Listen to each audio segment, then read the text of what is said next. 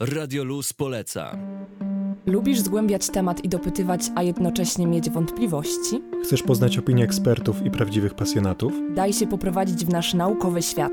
Pobudzamy ciekawość i szare komórki. Włącz na synapsach w środę o 17. I w soboty od 15 do 17 na 91 i 6 FM. Radio Luz poleca. Symbioza to zjawisko powszechnie występujące w przyrodzie i polega na wzajemnej korelacji dwóch różnych gatunków, w której to jeden gatunek nie może żyć bez drugiego i odwrotnie. Myślę, że mogłabym tak określić zależność pomiędzy moim dzisiejszym gościem a jego psim współpracownikiem Ozim – Zapraszam do wysłuchania rozmowy z panem aspirantem Konradem Wojciechowskim z Komisariatu Wodnego Komendy Wojewódzkiej Policji we Wrocławiu. Witam pana bardzo serdecznie. Dzień dobry, witam serdecznie. Bardzo dziękuję za zaproszenie, jest mi bardzo miło. Z mojej strony mam nadzieję, że ta rozmowa będzie ciekawa, interesująca i zmieni troszkę postrzeganie piesków na co dzień. We wstępie nawiązałam do symbiozy, ponieważ myślę, że bez Oziego bądź innego psiego współpracownika pańska praca byłaby po prostu niemożliwa do wykonania. Tak, jak najbardziej zgadzam się z tym podejściem, z podejściem do symbiozy. Bez wątpienia, jeżeli chodzi o tą symbiozę, możemy powiedzieć tak, że wykorzystując możliwości węchowe psa, czyli mówiąc o tak zwanej detekcji węchowej, mamy do dyspozycji sinos i wykorzystujemy wszystko to, co pies ma nam do zaoferowania jako gatunek. Był taki naukowiec Sattler, który porównał psinos do typowego detektora aerodynamicznego o zmiennej geometrii, więc patrząc na ten psinos, odcinając tak jakby sam ten przód nosa psa, mamy do dyspozycji trufle, czyli ten taki początek psiego nosa, w którym ta taka wędrówka molekuły zapachowej się zaczyna. Psi nos jest tak jakby narzędziem do postrzegania świata, tak jak my postrzegamy świat wzrokiem, tak pies postrzega świat zapachem. No ale mamy też całego psa i jeżeli chodzi o tą współpracę, wiadomo, nie wykorzystujemy samego detektora, tylko pracujemy z całym pieskiem, który nam oferuje tą swoją pracę. Właśnie. I Ozzy jest takim psem specjalnym, który poszukuje zwłok. I jeżeli chodzi o pracę z psami służbowymi, to musi pan tworzyć z Ozim niecodzienny duet, ponieważ Ozzy jest wyżłem, a jak wiadomo, zazwyczaj w szeregach policji spotykamy owczarki niemieckie. I czy można stwierdzić, że Ozzy jest pod tym kątem wyjątkowy? I czy praca z różnymi rasami psów w jakiś sposób się od siebie różni? Tak, jak najbardziej, jeżeli chodzi o psy, tutaj ma pani jak najbardziej rację. Głównie są to owczarki niemieckie. Ja zawsze porównuję te dwa psy, owczarka niemieckiego i psy z y, takiej linii myśliwskiej, troszkę do policjantów, ponieważ taki typowy owczarek niemiecki jest to pies chętny do pracy, pracujący przy przewodniku, troszkę łatwiejszy w wyszkoleniu ze względu na, na krótszy łańcuch łowiecki niż ten, który posiada wyżeł, ale jest to piesek, który jeżeli zostanie mu przydzielone jakieś zadanie, on je wykona, ale nie zboczy z tego szlaku, tylko wykona zadanie od A do Z i nie zrobi niczego dodatkowo. Ozzy jest i generalnie psy myśliwskie są psami z charakterem, są psami trudniejszymi w ułożeniu i takimi, na których pracę i na których szkolenie trzeba mieć troszkę inne podejście, gdyż pracujemy na pełnym łańcuchu łowieckim, prawie pełnym łańcuchu łowieckim, bo te psy myśliwskie, no jak wiadomo, są psami do polowań i ta praca jest zupełnie inna. Te psy są troszkę bardziej uparte, mają swoje podejście do życia, co jednak nie oznacza, że są one gorsze w tej pracy. Nawet powiedziałbym, że te psy są lepsze, bo wykazują własną inicjatywę. Bardziej powiedziałbym, że jest to taki dopaminowy piesek, czyli taki piesek, który bardzo chce pracować, który ma bardzo dużą motywację do pracy i który sprawdza bardzo dokładnie teren. Fachowo mówi się okładając go, tak często mówią myśliwi, ale sprawdza bardzo dużą powierzchnię terenu, tutaj posiłkując się systemami GPS, które wykorzystujemy w pracy. W trakcie powiedzmy takich poszukiwań w górach, które ja realizuję, ja przebywam około 8 km, a pies w tym czasie przebywa około 24-25 km. To okładanie tego terenu i sprawdzenie tego terenu przez psa no, nie ma sobie równych i w tym pies myśliwski na pewno będzie lepszy. Wspominał Pan o łańcuchu łowieckim. Czy mógłby Pan wytłumaczyć, na czym on polega? Tak, jak najbardziej. Jeżeli chodzi o łańcuch łowiecki, wszystko zależy od naukowców, którzy się tym zajmują, bo teorii jest mnóstwo, ale w takim dużym skrócie taki łańcuch łowiecki pełen na przykład wilka, to jest węszenie, tak? Czyli pies na początku węszy zwierzynę, którą chciałby upolować. Następnie mamy wypatrywanie. Już wie, że ta zwierzyna jest, tak? Następnie mamy pogoń, uchwycenie, rozszarpanie, zabicie i ewentualnie zjedzenie. To jest pełen łańcuch łowiecki. Taki posiadają na przykład teriery, dlatego są bardzo ciężkie w pracy, bardzo ciężkie w ułożeniu, ale też bardzo cięte. Jeżeli chodzi o wyżła, to w teorii łańcuch łowiecki powinien zaprzestać na wystawieniu zwierzyny, czyli na namierzeniu i tylko tyle. Tak? Są to takie cechy osobnicze, jeżeli chodzi o psy, w selekcji pewnych ras te pewne elementy łańcucha łowieckiego zostały tak jakby wygaszone. Na przykład jeżeli mamy owczarka niemieckiego, który jest psem pasterskim, to on ten łańcuch łowiecki kończy na zaganianiu. Tak samo jeżeli mamy psy rasy border collie, to one też zaganiają pięknie owce, ale ich nie zabijają, tak? W trakcie pracy z psem wykorzystujemy te popędy, które pies posiada, tak? Więc ta kreatywność w pracy przewodnika musi być bardzo duża i przewodnik, który zna swojego psa, wie, co psa motywuje, tak? Czy motywuje go pogoń za piłką, czy motywuje go nagroda socjalna w postaci pogłaskania i pochwały, czy motywuje go karma i te wszystkie nagrody stosujemy pracując na tak zwanym łańcuchu łowieckim, czyli na tym, co pies naturalnie posiada. Jak to wygląda ze strony wyboru konkretnego psa? To bardziej przewodnik wybiera psa, czy pies wybiera przewodnika, a może to działa zupełnie inaczej? Byłoby idealnie, jeżeli przewodnik wybierałby psa. To było marzenie przewodnika, który sam kształtuje od początku tego swojego psa, z którym będzie pracował.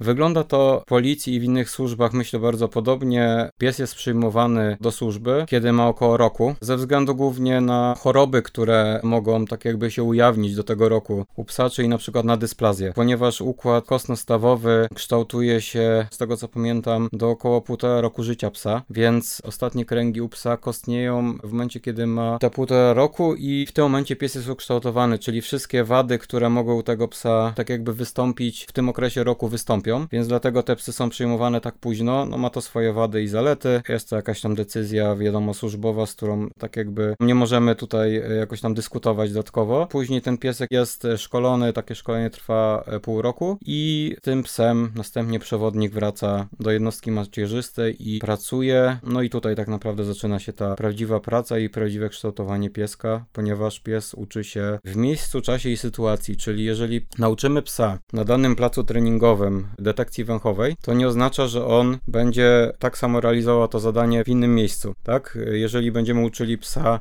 o godzinie 6 rano, to nie oznacza, że w godzinach wieczornych będzie pracował dokładnie tak samo. I jeżeli będziemy uczyli psa na przykład tylko w pracy przy przewodniku, to nie oznacza, że pies, który uczestniczy w poszukiwaniach przy straży pożarnej, tudzież przy goprze, toprze, będzie pracował tak samo. Wszystkie sytuacje z psem musimy przepracować, aby każdą sytuację poznał i aby realizował swoje zadanie dobrze.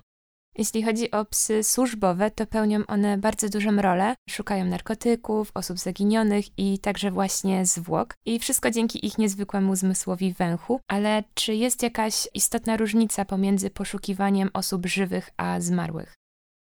Jeżeli chodzi o poszukiwanie osób żywych, ta motywacja psa jest większa na pewno, ponieważ szkoląc takiego psa, realizując tak zwane poszukiwania terenowe, w dużym skrócie piesek znajduje taką osobę, i ta osoba, ten pozorant, którego pies znajduje, ta osoba bawi się z tym psem. Tutaj, ze względu na to, że pies poszukuje zwłok, nie ma możliwości, żeby ta martwa osoba bawiła się z tym psem, więc pies musi wykazać olbrzymią motywację, żeby trwać w tym miejscu, w którym te zwłoki to ciało znajduje, aby to ciało oszczekiwać, tak? Gdyż nagrodę otrzymuje dopiero od przewodnika.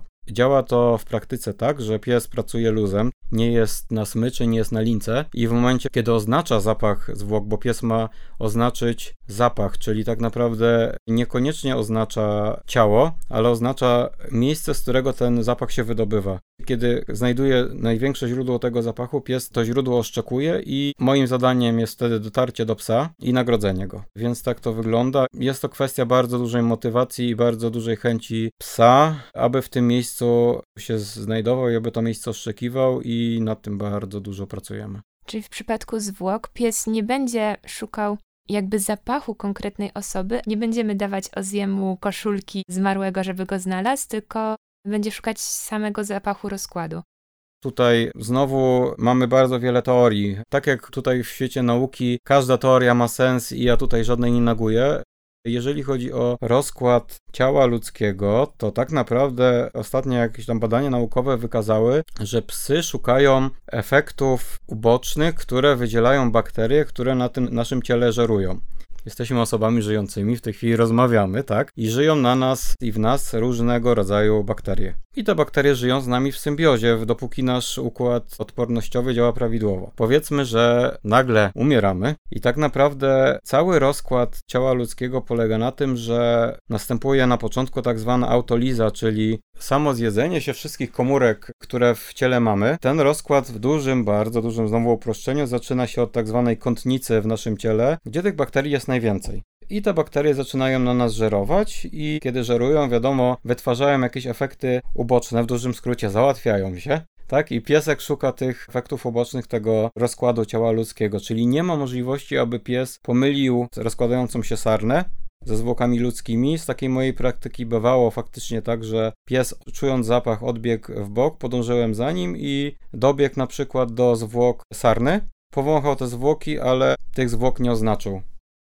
Dla mnie to jest pewnego rodzaju fascynacja, bo ja to bardzo lubię i nie jest to dla mnie odrażające, bo uważam, że śmierć jest częścią życia i poszukiwanie tych ciał, poszukiwanie zwłok, jest to jakaś taka faktycznie misja i ona umożliwia, ja tak zawsze to porównuję do takiego zamykania ostatniego rozdziału książki. Dzięki temu, że te psy pracują, dzięki temu, że przewodnicy razem z tymi psami pracują, inni policjanci, bo też nie można mówić, że to poszukiwanie osób zaginionych jest pracą tylko przewodnika. To, broń Boże, tak to nie wygląda. Tutaj pracuje szereg osób, które typują miejsce, profilują tą osobę, która zaginęła i znalezienie tego ciała umożliwia ustalenie tego, co się przyczyniło do śmierci tej osoby, tak? Widząc znamiona śmierci, czyli na przykład plamy opadowe, możemy stwierdzić, co się z tą osobą stało, tak? Więc uważam, że jest to bardzo potrzebna praca i bardzo ciekawa. Jak to wygląda ze szkoleniami takich psów? Ponieważ sama posiadam dwa psy i wiem, jak bardzo czasochłonne jest nauczenie ich kilku sztuczek, a co dopiero nauczenie bycia wyczutym na konkretny zapach. Jeżeli chodzi o szkolenie na sam zapach, to w dużym takim skrócie warunkujemy bardzo pozytywnie zapach psu.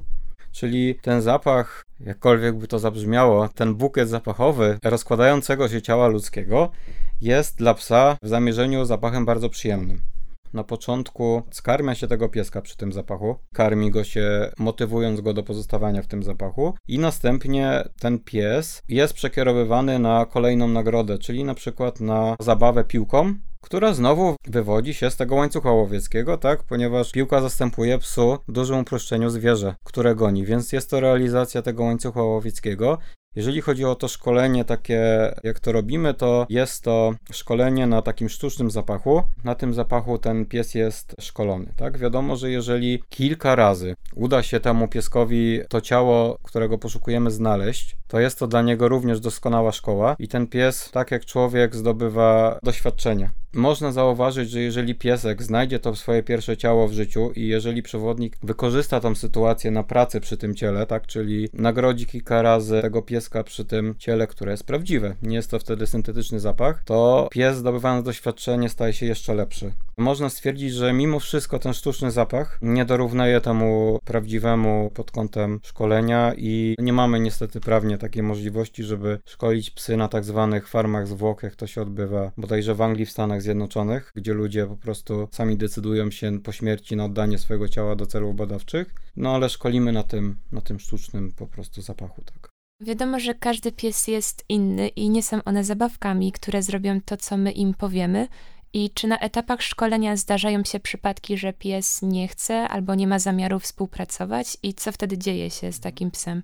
Jeżeli chodzi o szkolenie psa, ja zawsze będę powtarzał, że pies nie jest, tak jak na początku rozmowy wspomniałem, tym samym detektorem i nie jest to narzędzie, takie jak długopis. Mamy długopis, tak, piszemy nim i jest to narzędzie, które wykorzystujemy. Jeżeli chodzi o tego psa, to mamy bardzo złożoną istotę, która rodzi się już z predyspozycją do współpracy z człowiekiem. To od nas zależy, jak te predyspozycje wykorzystamy i tak naprawdę rolą przewodnika, rolą instruktora, rolą szkoleniowca jest taka praca z psem, żeby sprawiała mu ona przyjemność i żeby była ona dla niego motywująca. I tutaj metod jest bardzo dużo. Szkoląc psa mamy możliwość pracy poprzez wyłapywanie, naprowadzanie i kształtowanie. Wyłapywanie jest to nagradzanie psa za pewną czynność, którą wykonuje, czyli na przykład jeżeli pies taki jak Ozzy ma tendencję do skupiania się na środowisku, na przykład na ptakach, chce w nim wypracować skupienie na mnie, tak, to w każdej chwili, w której on na mnie popatrzy, stosuję znacznik zachowania, czyli na przykład kliker lub słowo, po czym nagradzam psa. I to jest tak zwane wyłapywanie, czyli wyłapuję zachowanie psa i nagradzam to zachowanie, które chcę, żeby było powtarzane. Następnie mamy naprowadzanie, czyli mamy na przykład w dużym uproszczeniu smaczek w ręce, naprowadzamy pieska na siad, waruj i za to zachowanie nagradzamy. Mamy kształtowanie, czyli to już taka już wyższa szkoła jazdy, kiedy pies sam oferuje zachowania, tak? Czyli na przykład oferuje przejście pod ławką, wskakuje na różnego rodzaju przedmioty. On nam oferuje dane zachowanie, a my nagradzamy tego psa za kreatywność tak naprawdę, czyli uczymy psa, że warto myśleć, bo pies jest na tyle plastyczną istotą, że naprawdę można z tym psem osiągnąć cuda, jeżeli tylko ktoś będzie chciał, będzie wiedział jak, będzie się dokształcał w tym kierunku, pies jest, że tak powiem, prawie że nieskończenie mądry. Nawet ostatnio rozmawiałem z takim panem, który ma psa i ten piesek jest przewodnikiem, łyż pan jest niewidomy opowiadał mi taką sytuację, że jeżeli ten pan jedzie sobie do innego miasta i wydaje temu psu komendę, polecenie, żeby znalazł kebaba, to ten pies, przewodnik, doprowadza do najbliższego kebaba. Opowiem szczerze, dla mnie, jako przewodnika, który pracuje z psem zawodowo, tworzyła mi się w głowie kolejna klapka i te psy to jest to nieskończoność e, tak naprawdę możliwości, tak? Jeżeli chodzi o naszą pracę, to naprawdę żaden człowiek nie sprawdzi tak dokładnie terenu, nie sprawdzi tak dużej ilości terenu, jak zrobi to pies. Trudno sobie wyobrazić taką sytuację, że człowiek, tudzież człowiek pies, bo na policjantów też się,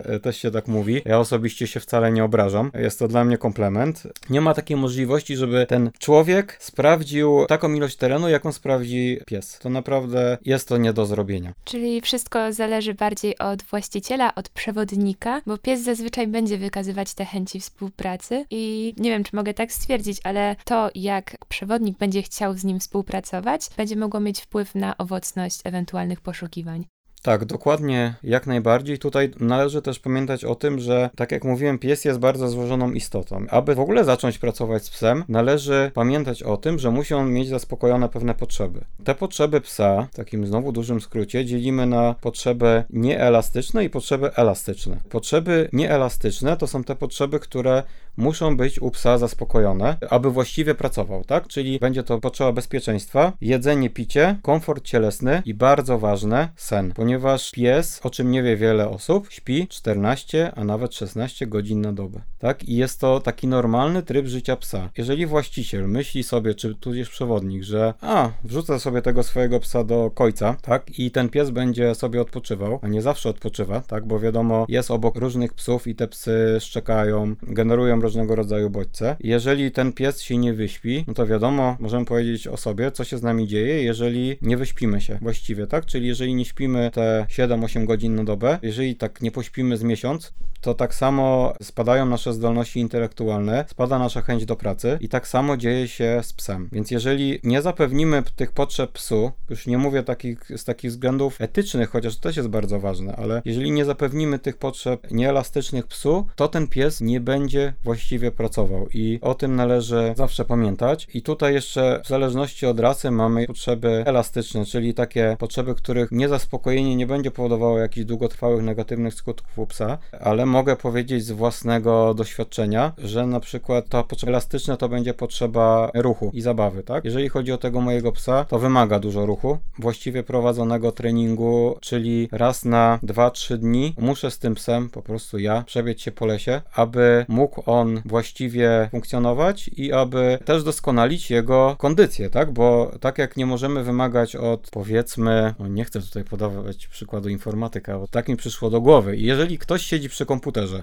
pracuje na tym komputerze i to jest cała jego praca i cały jego ruch i nagle dostaje wezwanie, że gdzieś 20 km dalej ktoś potrzebuje pomocy, no to nie możemy od tego człowieka wymagać, tak, aby on wspinał się i pokonywał dużą ilość kilometrów, zwyczajnie nie da rady, bo nie jest w tym kierunku wyszkolony, przygotowany, tak, i nie jest sportowcem. Te wszystkie zadania, które wykonuje pies, muszą być poparte odpowiednim treningiem, tak, czyli nie mogę wymagać od psa, żeby sprawdzał te 25-26 km pracując węchowo, jeżeli ja mu tego nie zapewnię tego treningu, to jest taka moja rola, żeby ten trening zapewnić, ale też, żeby zapewnić temu psu wypoczynek, tak, bo wypoczynek jest również częścią treningu. Naukowcy ustalili, że zbadali to, że tak naprawdę kortyzol, czyli hormon stresu, utrzymuje się w psim organizmie nawet do 5 dni. Czyli każda praca, tak jak u nas, każde zadania, tak jak w tej chwili rozmawiamy, wywołują stres i powodują wydzielanie kortyzolu, tak? Więc jeżeli wiem, że mój pies pracował w górach, tudzież odbył bardzo intensywny trening zakończony na przykład jeszcze pracą węchową,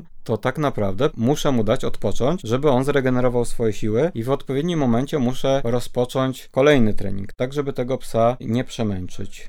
Wiadomo, że w każdym zespole najważniejsza jest komunikacja. I jak wygląda komunikacja pana z Ozim podczas takich poszukiwań? Ponieważ musi to być bardzo duże zaufanie do psa. Skoro na przykład pan pokonuje te 8 około kilometrów, Ozzy 25, to musi się oddalić na znaczną odległość też od pana. Tak, zgadza się. Już mamy to zaufanie, które zostało wypracowane, bo na początku, przyznaję, nie było łatwo. Jest takim moim napędem do zdobywania wiedzy, bo miałem z nim na początku olbrzymi problem, właśnie z tego względu, że jest to pies o olbrzymim takim popędzie łowieckim. W tej chwili naprawdę to zaufanie się poprawiło, ale jest to znowu kwestia doświadczenia, tak? Ja już w tej chwili nawet widzę, kiedy pies zaczyna czuć zapach, kiedy zaczyna za tym zapachem podążać i tak powinien przewodnik pracować, aby tego psa czytać, gdyż tak naprawdę pies i przewodnik to jest team. Psu zależy, żeby znaleźć zapach, ale przewodnik musi ustalić, czy pies działa właściwie i musi ustalić, co pies oznacza, tak? Taki przykład z poszukiwań, kiedy Ozzy znalazł zakopane ciało po pięciu latach na prawie metrze głębokości. Po uprzednim przygotowaniu terenu, teren należy przygotować, aby pies mógł ten zapach wyczuć, pies zaczął oszczekiwać mur, który znajdował się przed tym przygotowanym terenem. Więc moim zadaniem było sprawdzenie, tudzież zwrócenie uwagi uwagi na to, jak wieje wiatr, okazało się, że wiatr nawiewał największą ilość zapachu na mur, który znajdował się kawałeczek za tym miejscem, gdzie to ciało było ukryte. Czyli pies, wiedząc czego szukał, oszczekiwał największe skupienie tego zapachu, źródło tego zapachu i ja musiałem zdecydować o tym, że jednak chodzi mu o tak naprawdę o to miejsce, które przygotowaliśmy do sprawdzenia, tak? Pies i przewodnik to jest team i, i tutaj przewodnik powinien myśleć i realizować swoje głównie szkolenia, a pies już w trakcie pracy powinien pokazywać pokazywać to, co sobie wyćwiczył w trakcie szkoleń.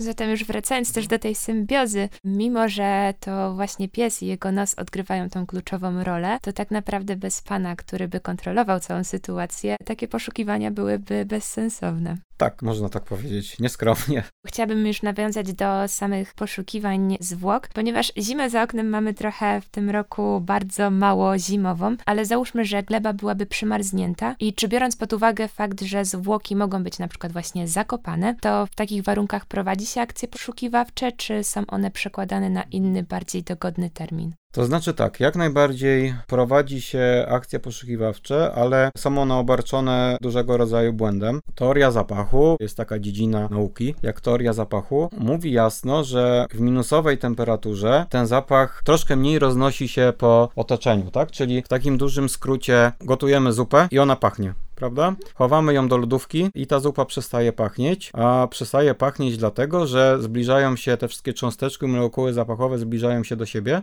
Inny przykład, wkładamy wodę do zamrażalki, ta woda zamarza, też dlatego, że te cząsteczki zbliżają się do siebie. Więc dodatnia temperatura na pewno będzie działała na korzyść pracy psa. Przy minusowej temperaturze pies ma bardzo mocno utrudnione zadanie, musi praktycznie na ten zapach wpaść nosem, tak żeby go oznaczyć. Wszystko zależy od podejścia śledczych, tak? Niektórzy czekają aż ta temperatura będzie troszkę wyższa, a inni prowadzą te poszukiwania w minusowej temperaturze.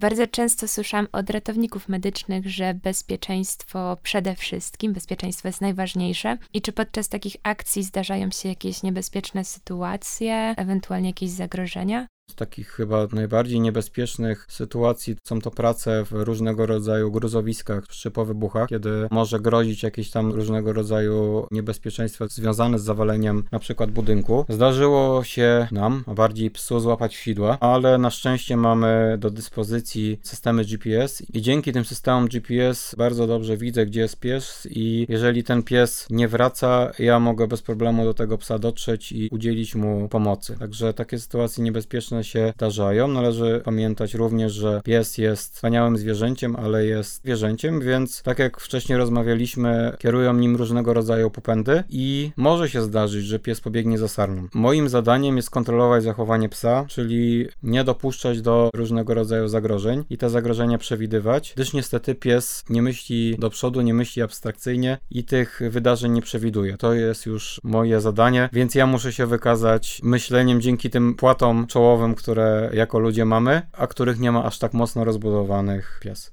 Wspominał właśnie Pan o tych sidłach, a czy są w ogóle jakieś metody, żeby uniknąć takiego zagrożenia, na przykład właśnie w postaci sideł, ponieważ raczej nie przeszukuje się najpierw terenu, zanim pies zacznie szukać.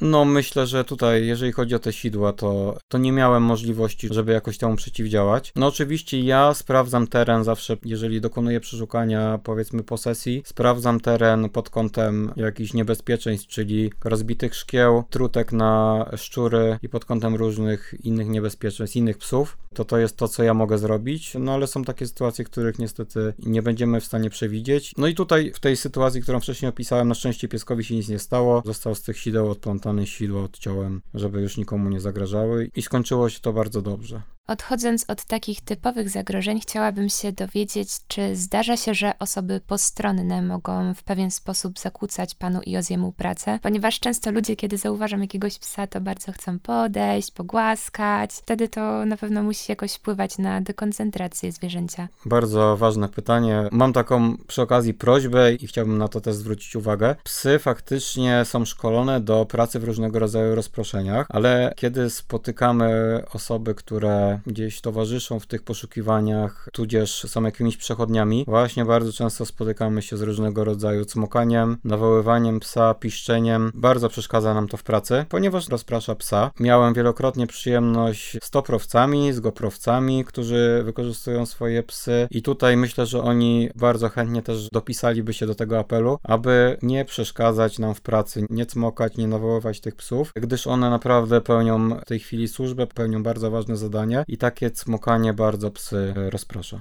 Myślę, że wszyscy słuchacze przemyślą jakieś zachowania swoje i ewentualnie wyciągną wnioski. I też bardzo ciekawi mnie to, w jakim stanie, że tak określę, muszą być zwłoki, aby pies był w stanie je znaleźć, ponieważ w którymś momencie te procesy rozkładu ustają i nie wiem, czy jakby dalej wydzielany jest ten konkretny zapach, na który pies jest wrażliwy. Pies w takim założeniu, w takim znowu bardzo dużym uproszczeniu, bo wszystko zależy od, od warunków środowiskowych, w których rozkłada się ciało. Rozkład ciała ludzkiego trwa około 5 lat i pies wyszukuje tych efektów ubocznych pracy bakterii, czyli te bakterie będą pracowały na tym ciele, dopóki mamy do czynienia z tkanką, tak, z rozpadem e, tkanki i dopóty ten rozkład tkanki następuje, ten piesek tego zapachu szuka. Jest, zdaje się, Chorwatka, która szkoli psy i wyszukuje groby za pomocą psów, takie starożytne, ale ma, wydaje mi się, możliwość szkolenia tych piesków na zeszkieletowanych częściach ciała, na kościach i faktycznie myślę, że taka praca miałaby sens, ale my w ten sposób nie pracujemy. No zakładam w takim dużym uproszczeniu, że około 5 lat Ozzy znalazł po 4 latach takie ciało, które zostało zakopane i wskazał miejsce tego zakopania, więc ja uznaję, że 5 lat, co nie oznacza, że tego czasu nie należy troszkę przesunąć, prawda? Uważam, że zawsze szukać należy. Czyli wszystko zależy od warunków środowiska, w jakich Dokładnie. znajdują się zwłoki.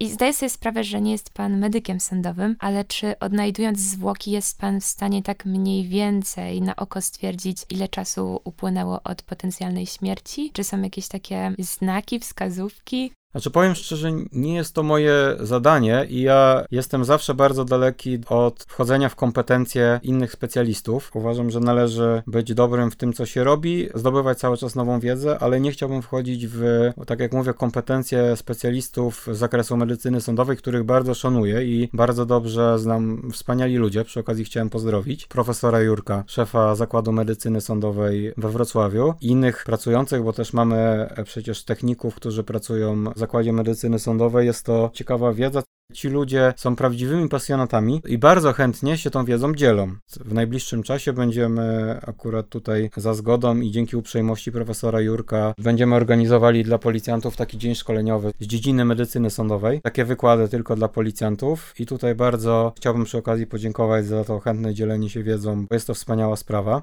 Także mówię, nie chcę wchodzić w, w kompetencje, są, są lepsi specjaliści ode mnie, nie jest to też moje zadanie, moim zadaniem jest odnalezienie ciała i, i na tym się skupiam. Dobrze, rozumiem. Załóżmy, że Ozzy świetnie się spisał, odnaleźliśmy zwłoki i co teraz? Czy są jakieś takie konkretne procedury, wezwanie właśnie jakichś innych służb i w jaki sposób Ozzy jest nagradzany za świetną robotę?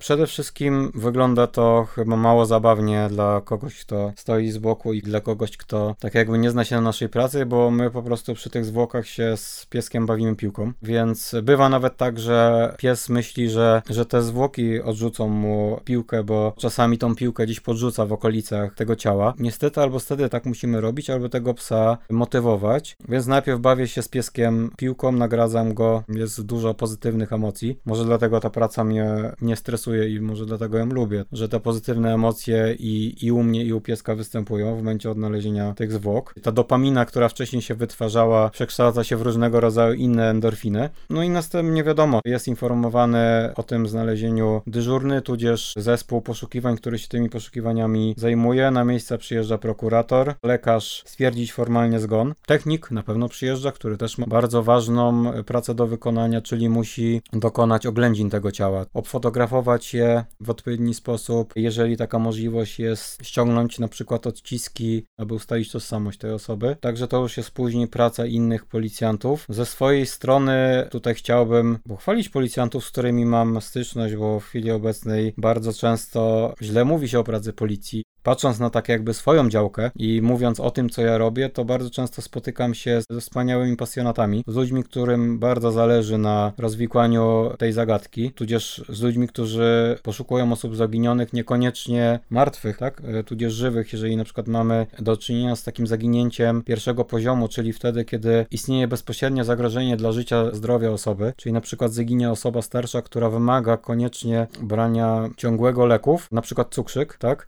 to tak naprawdę są uruchamiane olbrzymie siły i środki, aby tą osobę odnaleźć. Właśnie to podoba mi się w tej pracy, że jestem bardzo często otoczony pasjonatami. Przez te naście lat pracy mogłem na palcach jednej ręki policzyć policjantów niezaangażowanych. Z mojej strony wygląda to bardzo dobrze, mówiąc o swojej działce. Cieszę się i życzę zawsze takich świetnych ekip i zespołów panu. Psy służbowe, jak ludzie pracujący, przechodzą na emeryturę. I czy jest jakiś konkretny wiek emerytalny psa, który mówi, że jego służba już dobiegła końca? Zarządzenie odnośnie służby z psem służbowym mówi o wieku 9 lat, kiedy można, u nas się mówi, spisać pieska, czyli wycofać go ze służby.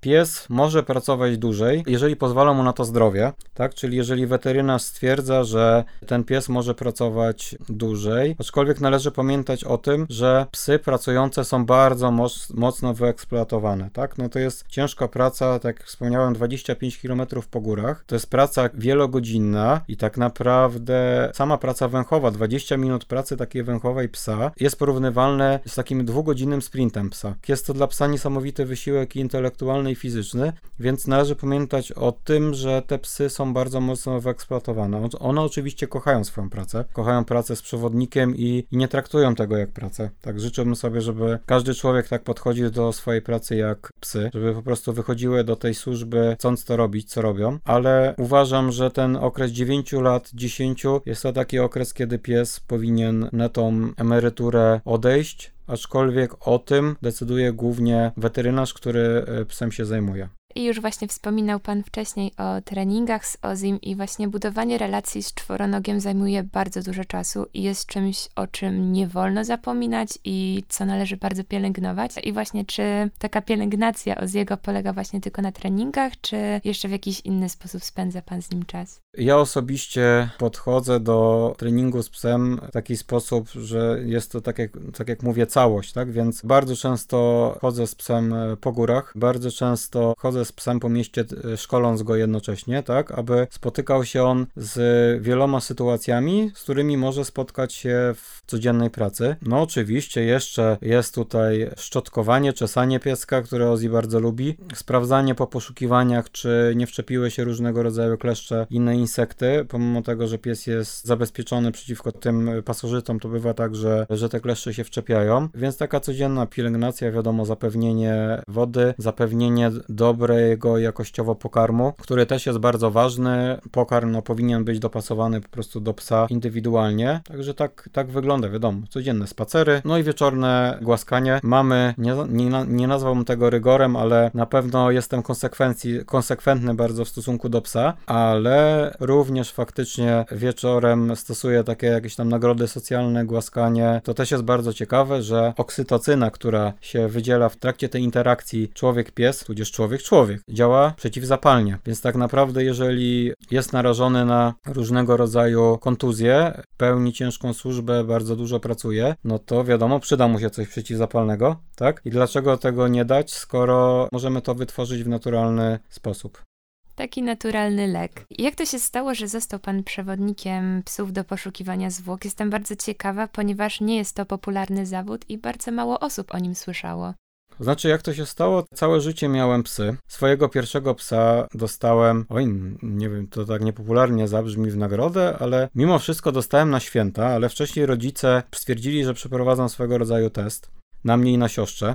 Musieliśmy przez trzy tygodnie, rano, po południu i wieczorem, wychodzić na spacery z całą smyczą. Niekoniecznie smycz musieliśmy ciągnąć ze sobą ze sztucznym psem, ale z, tak z perspektywy czasu uznaję, że miało to rację bytu, ponieważ wyrobiło to swego rodzaju nawyk. Później rodzice nie mieli problemu, żebyśmy wyszli z psem na spacer. Więc tak jak mówiłem, całe życie miałem psy różnego, różnego rodzaju. Na początku były to boksery, potem był to bulldog francuski, kolejny bulldog francuski. Następnie dostałem taką propozycję pracy jako przewodnik psa. Z perspektywy czasu uznaję, że ten mój pies pracujący jest jednym ze szczęśliwszych psów, które miałem.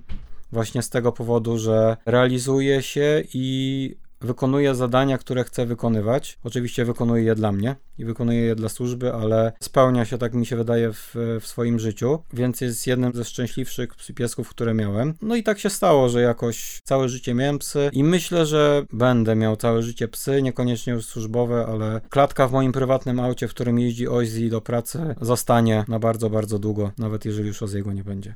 Myślę, że praca z czworonożnym przyjacielem różni się od pracy z ludźmi. Co dała panu praca z Ozim? Czy czegoś się pan dzięki niemu nauczył? To jest bardzo ciekawe pytanie. Tutaj na ten, znowu na ten temat moglibyśmy rozmawiać godzinami. Tak jak już wspomniałem, jesteśmy inteligentniejszymi zwierzętami. Aczkolwiek szkoląc psa, można bardzo wiele nauczyć się o człowieku. Szkoląc pieska, nagradzamy zachowania, które chcemy uzyskać, czyli nagradzamy pieska wszystkim tym, co chce uzyskać. I na przykład, tak, piesek może chcieć uzyskać karmę, może chcieć uzyskać różnego rodzaju smaczki, może chcieć uzyskać jakieś zachowanie, tak? Czyli na przykład chce pójść do innego psa, ale wcześniej wykona jakieś zadanie. Przyjdzie, wykona zadanie do mnie czy noga i ja go następnie zwolnię do, do tego pieska. Więc tak naprawdę szkoląc pieska uczymy się bardzo dużo o zachowaniach też tak naprawdę ludzkich, bo my działamy bardzo podobnie jak te pieski, tak? Chcemy, żeby nam było dobrze. Mamy różnego rodzaju motywację. Oczywiście ona jest o wiele bardziej rozbudowana. Mamy tak zwaną, różnie mówią, tak, ale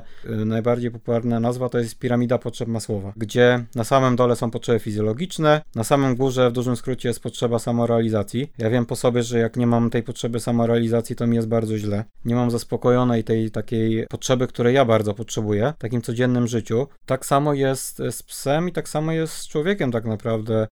Szkoląc pieska, wykorzystujemy tak zwany kwadrat wzmocnień. To jest to bardzo ładnie rozpisane w takim kwadracie. Mamy do dyspozycji wzmocnienie dodatnie, czyli właśnie nagroda.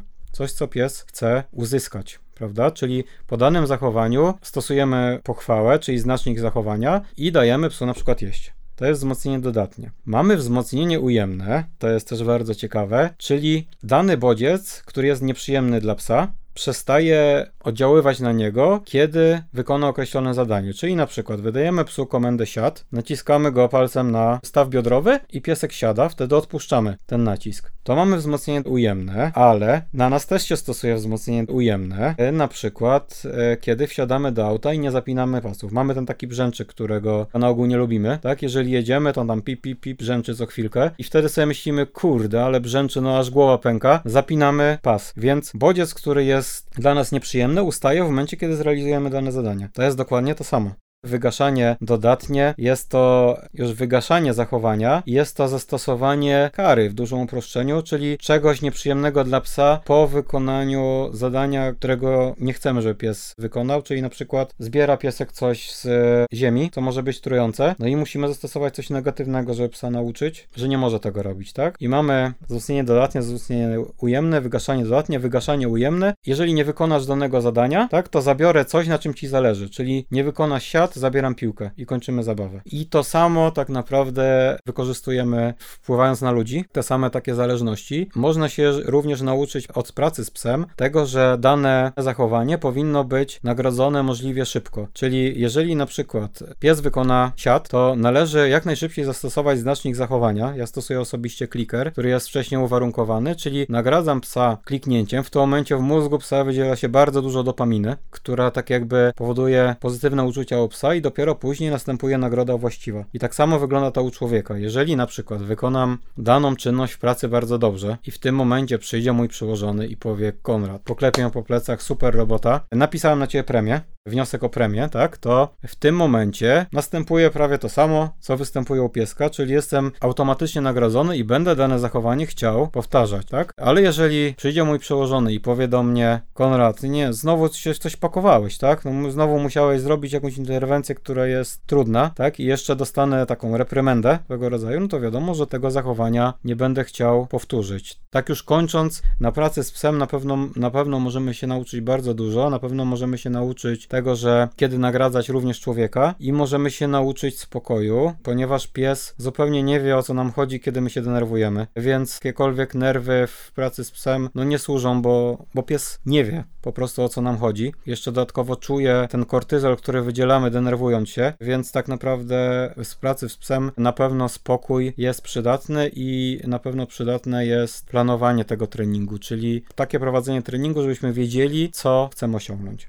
Mówi się, że bez motywacji nie osiągnie się sukcesu. I co jest dla Pana największą motywacją w pracy i jakie satysfakcje Pan z niej czerpie? Mam troszkę inne podejście od niektórych policjantów, niektórych zaznaczam. Pan Dziewulski, były policjant, który bardzo często też udziela różnego rodzaju wywiadów, którego bardzo szanuję, mówi, że policjant nie powinien mieć takie, tak zwanego etosu, nie powinien wykonywać swojej pracy z pasji, tylko powinien być dobrym rzemieślnikiem i po prostu dobrze wykonywać swoją pracę. Ja uważam troszkę inaczej, uważam, że w tej e, służbie policyjnej ta pasja jest bardzo ważna, ponieważ jeżeli chcemy dobrze wykonywać swoją pracę, jeżeli mamy pasję, jeżeli mamy motywację, to będziemy wykonywali zadanie za nawet nawet kilka osób. I ja uważam, że ta pasja w tym policjancie powinna być. Tak jak już wspomniałem, bardzo często spotykam się z takimi policjantami, którzy taką pasję e, mają. Bardzo się dobrze czuję w takim środowisku, kiedy następuje burza mózgów i po prostu czasami powstają niesamowite pomysły, taka, widać taką kreatywność. I uważam, że ta pasja w tym, w tym policjancie powinna, powinna być. Oczywiście w codziennej służbie bywa różnie. Czasami są gorsze, e, gorsze dni, gorsze sytuacje i, i mamy do czynienia z różnymi ludźmi, ale dla mnie osobiście bardzo ważna jest chęć, chęć odnalezienia tego ciała i chęć odnalezienia tej osoby zaginionej, aby umożliwić rodzinie po pierwsze pochowanie tej osoby i aby umożliwić ustalenie tego, co się z tą osobą stało i jest to coś, co, co mnie motywuje. Niejednokrotnie jechałem sprawdzać różnego rodzaju tereny w czasie, można powiedzieć, wolnym i ja chyba podobnie jak ten piesek nie traktowałem tego jako coś, co muszę zrobić, tylko, tylko jako coś, co, co komuś pomoże. Dziękuję. Zaufanie, budowanie relacji, praca i zabawa i mnóstwo spędzonego razem czasu. Myślę, że tak można podsumować niecodzienny duet pana Konrada Wojciechowskiego i jego psiaka Oziego. Bardzo dziękuję panu za rozmowę i życzę samych sukcesów w pracy i jak najwięcej radości z pracą z Ozim. Bardzo dziękuję za zaproszenie i za miłą rozmowę.